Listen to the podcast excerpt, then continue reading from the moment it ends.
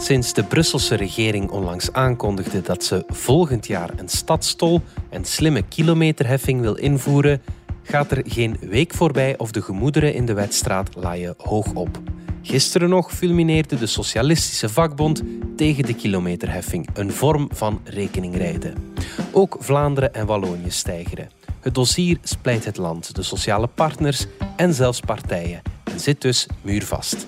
Geen enkele politicus wil in de zakken van de pendelaar zitten. Nochtans weet iedereen dat er iets moet gedaan worden aan de files en de luchtvervuiling. Het is vrijdag 22 januari. Ik ben Alexander Lippenveld en dit is de podcast van de Standaard.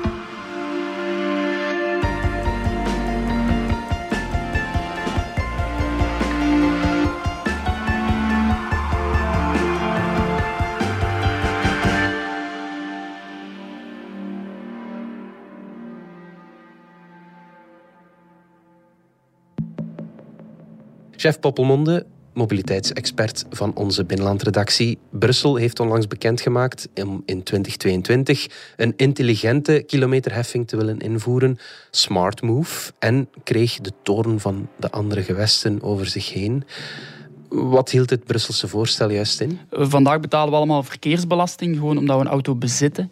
Hoeveel je daar vervolgens mee rijdt, dat zal de overheid bij wijze van spreken worst wezen. Je zal alleen voelen in het tankstation. Terwijl bij een slimme kilometerheffing verandert dat en ga je minder of meer belasting betalen afhankelijk van hoeveel kilometers je met je auto aflegt. Ja. Dat moet mensen stimuleren om minder die auto te gebruiken en zo dus ook de files eh, op onze wegen verminderen. Ik denk dat Brussel uh, zijn kaarten op tafel legt. Hè, van hoe je van de belasting op het bezit van een auto naar een belasting op het gebruik van een auto kan gaan. Met als doel om de file te verminderen. Dat was de Brusselse minister voor Financiën, Sven Gats van Open VLD. De gebruiker betaalt, niet de bezitter. Dat is het eigenlijk. Wat ligt er dan in Brussel op tafel, Jeff? Het model dat de Brusselse regering heeft uitgewerkt zou bestaan uit een tol een soort basisbedrag mhm. elke keer je de stad inrijdt. Dat varieert van 1 euro buiten de spits tot 2 euro tijdens de spits. Ja. Dus afhankelijk van het pk van de wagen wordt dat basisbedrag vermenigvuldigd met 0 voor de heel kleine wagens tot 6 voor auto's met een fiscale pk van meer dan 21. Mhm. Dus het maximale tarief uh, is 12 euro voor de allerzwaarste wagens tijdens de spits. Ja. En bovenop dat basisbedrag komen dan de kosten per kilometer. 8 cent per kilometer buiten de spits, 20 cent per kilometer tijdens de spits. Ja, Mensen kunnen ook een dagpas kopen, um, waarmee ze dan de hele dag de stad in en uit mogen rijden. En die variëren van 4 tot 16 euro. Ja, met andere woorden, het wordt duurder om in Brussel te gaan rijden? Wel, voor Brusselaars vervangt heel dit systeem de verkeersbelasting die zij vandaag betalen. Ehm, waardoor het goedkoper zal worden voor mensen die weinig rijden, maar duurder voor mensen die veel rijden. Voor veel automobilisten zal het hetzelfde blijven in Brussel. Voor een aantal zal het goedkoper zijn. Uh, ook als je hun gedrag gedeeltelijk aanpassen. Hè. Daarom niet helemaal, maar enkele dagen met openbaar vervoer uh, in plaats van met de auto kan een rol spelen. Voor een aantal kan het ook duurder zijn. Hè. Maar voor Vlamingen en Walen die de stad inrijden, wordt het inderdaad, zoals het vandaag voor ligt, duurder. Omdat zij ook nog altijd in Vlaanderen en Wallonië hun verkeersbelasting die ze vandaag betalen, zullen blijven betalen. Ja. En dat die Brusselse tax er dus gewoon bovenop komt. Ja, dan valt het eigenlijk niet te verbazen dat Vlaanderen en Wallonië vandaag boos zijn. Hun automobilisten krijgen gewoon een belastingsverhoging. Of toch zij die vaak naar Brussel moeten, pendelaars bijvoorbeeld. Ja, in de situatie zoals vandaag is, waarin Vlaanderen en Wallonië uh, geen slimme kilometerheffing invoeren en, en Brussel wel, is dat inderdaad wat er wat er dreigt te gebeuren. Hè. Uh, daarom dat ook uh, Vlaams minister van Mobiliteit Lydia Peters heeft zich in het parlement het meermaals gezegd dat ze dat systeem juridisch zou, zou gaan aanvechten. Eenzijdig een stadstol invoeren door één gewest. Ik zal mij daar ten allen tijde blijven tegen verzetten. We zullen alle juridische middelen aanwenden als de dialoog, als het overleg tot niets leidt en als men uh, zonder meer volhardt met de boodschap we gaan hier voor een shock-effect en we gaan dat invoeren in 2022. En na de voorstelling ervan in december was vooral bij, bij NVA dat het verzet heel, eh, heel fors was, waar, waar Bart de Wever het meteen als een pestmaatregel voor de werkende Vlaming bestempelde. Mhm.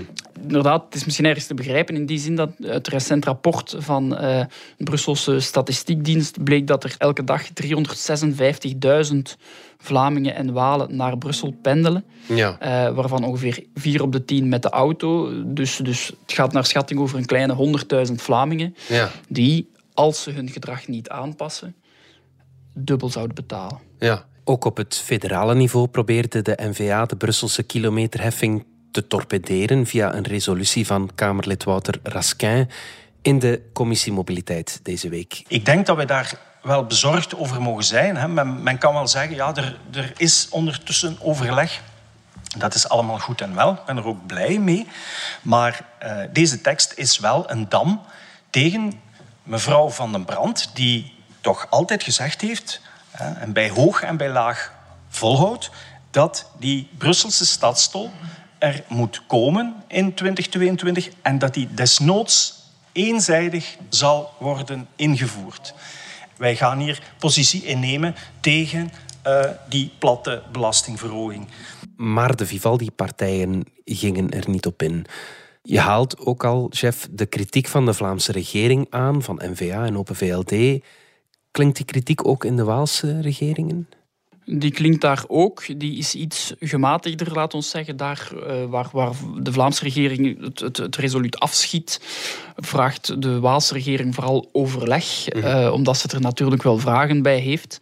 Um, maar ze is daar iets minder radicaal in wel. Maar die bezorgdheid van onze pendelaars gaan dubbel betalen, die leeft zeker ook daar. Ja, ja, de andere gewesten die spreken van een stadstol, zoals je in het begin ook zei. Brussel noemt het smart move. Dat is een, een andere manier om het te benaderen. Ja, dat is natuurlijk het perspectief van waaruit je het bekijkt. Hè. Voor Vlamingen en Walen wordt het inderdaad een soort tol die zij zullen betalen om de stad binnen te mogen. Maar voor de Brusselaar is het vooral een, een, een instrument om de mobiliteit in hun stad slimmer, meer smart te maken. Mhm. Door mensen financieel te stimuleren om gebruik te maken van de meest efficiënte vervoersmiddelen in de beperkte ruimte die die stad heeft. Mhm. En het is zeker dat dat niet de auto is. Mhm.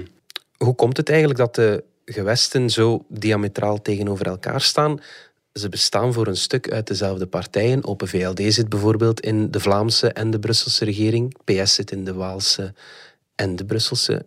Hoe, hoe komt het dat daar zo'n verschil in zit? Ja, sinds enkele jaren is de, de verkeersfiscaliteit een zuiver gewestelijke bevoegdheid. Ja. Um, en, en dus rijden de Brusselse, Vlaamse en Waalse regering daar eh, op, op dat domein voor zichzelf en voor hun kiezers. Uh, zeker na de splitsing van Brussel-Alle-Vilvoorde kan er geen enkele Vlaming nog op Brusselse politici stemmen. Mhm. Dus dan maakt het die Brusselse politici ook niet zo heel veel uit wat er in Vlaanderen gedacht wordt mhm. van wat zij doen. Ja. Ehm, ja. Is het vooral voor Open VLD dan een heel vervelende zaak vandaag?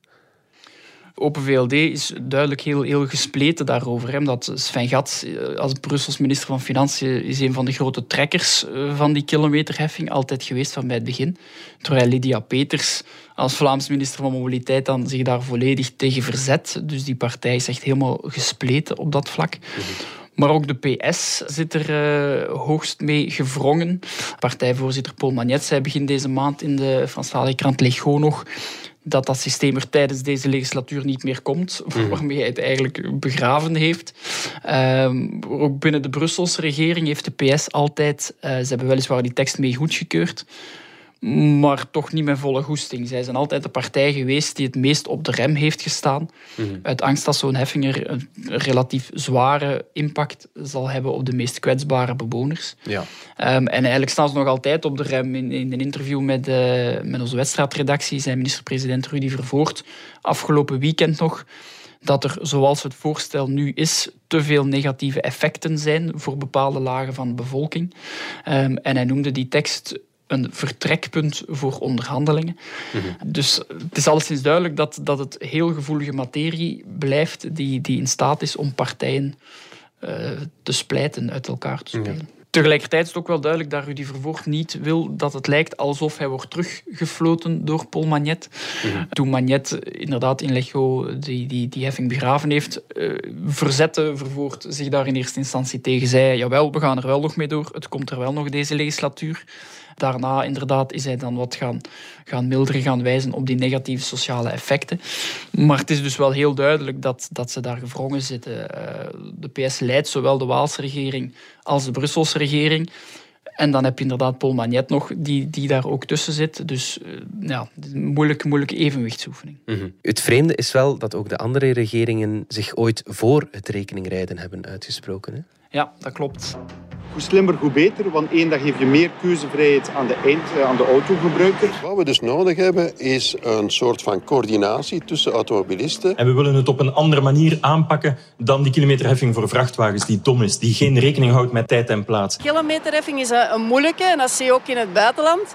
Vaak zijn mensen daar bang voor. Ze weten niet hoe, hoeveel dat het voor hen gaat kosten. Vlaanderen is er wel klaar voor, denk ik, meneer de minister. Ik heb de voorbeelden al gegeven. Maar achteraf zie je dat er absoluut veel meer draagvlak is, maar je moet dat ook beginnen opbouwen. We moeten hen verleiden, begeleiden met flankerende maatregelen, met een vorm van taxshift, zodanig dat het geen platte belasting is. Een kilometerheffing kan nooit een doel op zich zijn, maar kan alleen een middel zijn om mensen te stimuleren om wat meer de auto langs de kant te zetten om meer te kiezen voor de alternatieven. Het feit dat je dus inderdaad binnen die spits heel sterk differentieert, zorgt ervoor dat je dus die files inderdaad kan wegkrijgen. Nee, we hebben nu in Brussel ook een verkeersbelasting die gebaseerd is op het bezit van een wagen. En dat is een zeer onrechtvaardige belasting. Of je nu 10 kilometer, 1000 kilometer of 10.000 kilometer rijdt, je betaalt evenveel. Het komt er denk ik sowieso, maar dat het een hobbelig en heel langdurig parcours uh, zou worden, dat wisten we ook.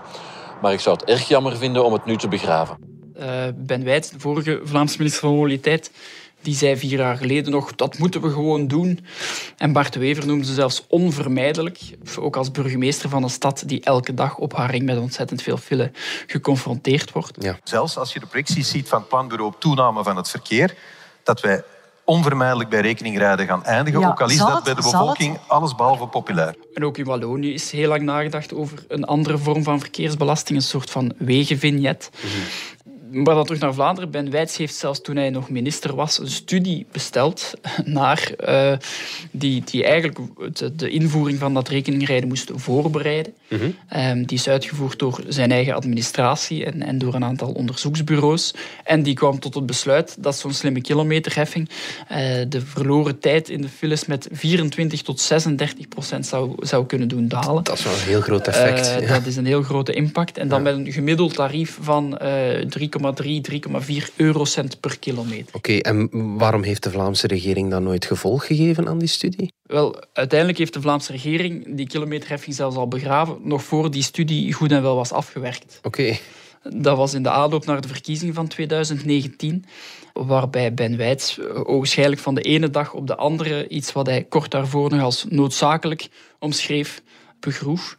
Mm -hmm. hij, hij, verklaarde toen in, in een interview met, met de Standaard nog dat hij niet als een lemming in het ravijn wilde springen. Onze tegenstanders die zagen ons natuurlijk graag zagen mij graag en in navolging de partij als lemmingen de afgrond inspringen. En vervolgens er even hoofdschuddend boven de ravijn te gaan staan en dan te zeggen van... Goh, dat was nu toch wel een beetje onbesuist en zeg. Waarmee hij bedoelde... Ik weet dat ik, als ik hiermee doorga, dat dat mij heel veel kiezers zal kosten. Ja. Vlaams Belang had namelijk in de weken daarvoor, in de aanloop naar die verkiezingen, heel zwaar campagne gevoerd om die kilometerheffing te framen als een, als een platte belastingverhoging. Ja. Ze hadden het zelfs al over de Ben-belasting. Mm. En het was duidelijk onder druk daarvan, uit angst om gezien te worden als de minister die de Vlaming met een belastingverhoging opzadelde, dat minister Wijts daar ja, radicaal is, uh, zijn kar heeft gekeerd. Dat is dodelijk voor de perceptie. Dat is al uh, gebleken in het verleden. Um, de angst voor de kiezer speelt enorm mee. Dat zegt Cathy Macharis, verkeersdeskundige aan de VUB. Ik denk dat er uh, inderdaad die angst is om kiezers te verliezen. Uh, terwijl dat je natuurlijk moet gaan kijken van wat is er goed voor de maatschappij en niet enkel specifiek voor bepaalde kiezers. Dus zodra de heffing te voelen is in de portefeuille van de doorsnee burger, dan krabbelen politici terug. Mogen we dat concluderen? In dit specifieke geval was dat voor de Vlaamse regering zeker zo. Ja. Vooral omdat Vlaams Belang daar zo actief op begon te hameren en dat in de aanloop naar verkiezingen, dat is natuurlijk dodelijk. Hè. Mhm. Vlaams Belang nam daarbij trouwens ook wel een loopje met de waarheid, want, want, want zo'n slimme kilometerheffing zou zeker niet voor iedereen een belastingverhoging betekenen, mhm. maar alleen voor wie heel veel kilometers rijdt, ja. die dan bovendien nog altijd de vrijheid heeft om alternatieven te gaan zoeken. Mhm. Maar dat zijn dan misschien te veel nuances waarmee je tegen zo'n uh, geweld als uh, dat van Vlaams Belang niet, niet op kan. Ja, ja, je haalt het al aan. De alternatieven, er moeten er genoeg zijn, uh, luidt het. Uh, wat zijn die alternatieven? Welke voorwaarden moeten er vervuld zijn om zo'n kilometerheffing in te voeren? Wat is dat voldoende alternatieven? Mm -hmm. Dus ook een beetje de vraag naar, naar de kip of het ei. Ja. Ik denk dat voor heel veel mensen, hoeveel bussen, treinen en deelsteps er ook beschikbaar zijn, de auto die op de oprit staat altijd de meest aantrekkelijke optie zal zijn. Want je zit warm en je kan naar de radio luisteren. Ja. Dus tenzij je die via een kilometerheffing net dat beetje minder aantrekkelijk maakt, mhm. waardoor mensen meer op dat openbaar vervoer gaan stappen en je ook meer stimulans krijgt om misschien meer in dat openbaar vervoer te investeren. Iets wat mhm. Vlaanderen ook al jaren niet meer echt doet. Mhm. Dus, dus eigenlijk dat altijd wijzen op er zijn geen alternatieven. Goh, ik vind dat eigenlijk gewoon een makkelijk excuus om niets te doen. Ja, ja. Want er zijn al voorbeelden in de rest van de wereld waar een gelijkaardig systeem bestaat. Stockholm uh, en Göteborg, de Zweedse steden, Londen ook, de Britse hoofdstad. Is het daar succesvol? Ja, uh, systemen zijn natuurlijk nooit helemaal vergelijkbaar. Mhm. Maar in Stockholm en Göteborg betalen auto's een heffing die hoger of lager is afhankelijk van het tijdstip waarop ze de stad inrijden. In volle spits is dat uh, eh, 3,35 euro en in de daluren slechts 86 eurocent. Ja. Maar als gevolg daarvan zijn de files daar wel sterk verminderd, met een derde tijdens de ochtendspits en met de helft zelfs tijdens de avondspits. Okay. En uit onderzoek achteraf is gebleken dat ongeveer de helft van de verdwenen automobilisten op het openbaar vervoer was overgestapt. Een kleine groep reed rond het centrum in plaats van erdoor. Mhm. En nog een deel van de, van de auto's was gewoon verdwenen.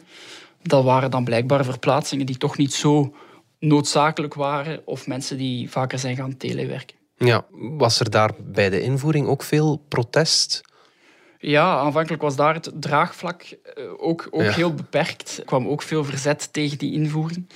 Maar ze hebben het slim aangepakt. Ze zijn begonnen met een proefproject van zeven maanden, mhm. waarna de inwoners van Stockholm in een referendum konden beslissen over de toekomst ervan. Dus ze hebben duidelijk gezegd van bij het begin, kijk, de beslissing is aan jullie, maar geef het tenminste een kans. Mhm.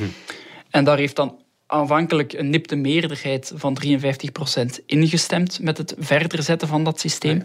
Maar in de jaren daarna, toen meer en meer mensen ook de positieve gevolgen van die minder file zijn beginnen ervaren, want dat vraagt natuurlijk even tijd, mm -hmm. is dan dan voorstanders alleen nog verder gegroeid. Door het feit dat als het systeem werkt en dat je minder file hebt en dus minder verkeer, je makkelijker kan rijden, kan rondrijden, ja, zijn mensen daar ook wel tevreden over. En dus daar, daar is gebleken dat in die landen, in die steden, voor een verantwoorde prijs mensen wel bereid zijn te betalen om gemakkelijker te circuleren en niet elke dag in de file te staan. Dit zijn natuurlijk voorbeelden op stadsniveau, weliswaar grote steden, zeker Stockholm en Londen. Um, bestaat dit systeem op grotere schaal, zoals dat in Vlaanderen het geval zou zijn? Nee, dat bestaat eigenlijk nog nergens. Oké. ja. in, in Singapore bestaat het systeem dat er dan misschien nog het, het, het meest bij in de buurt komt, maar, maar ook dat is qua schaal wel niet te vergelijken met wat, met wat Vlaanderen zou doen. Ja, dus als het zou ingevoerd worden, dan is het wel heel ambitieus, uh, hoe dan ook. Het zou, het zou wel een unicum zijn, maar we zijn ook wel uh, een, een van de meest veelgevoelde regio's van, van heel Europa. Klein, heel veel doorgaand verkeer. Mm dus misschien zijn we ook wel de uitgelezen, de uitgelezen regio om, om daar als eerste. Eigenlijk zijn we één grote stad, dat is het ja, voilà, dat is het. Ja, ja. We zijn terug na de reclame.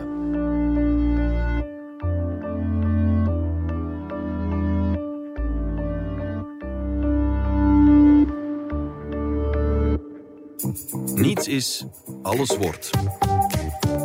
Dat hadden de Grieken 2500 jaar geleden al begrepen. En dat is nog altijd zo.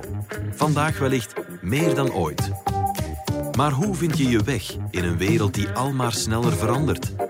Kennis is het beste kompas, weten we bij BNP Paribas Fortis. En kennis hebben we en delen we graag. Dat doen we ook in de podcast Stand van Zaken.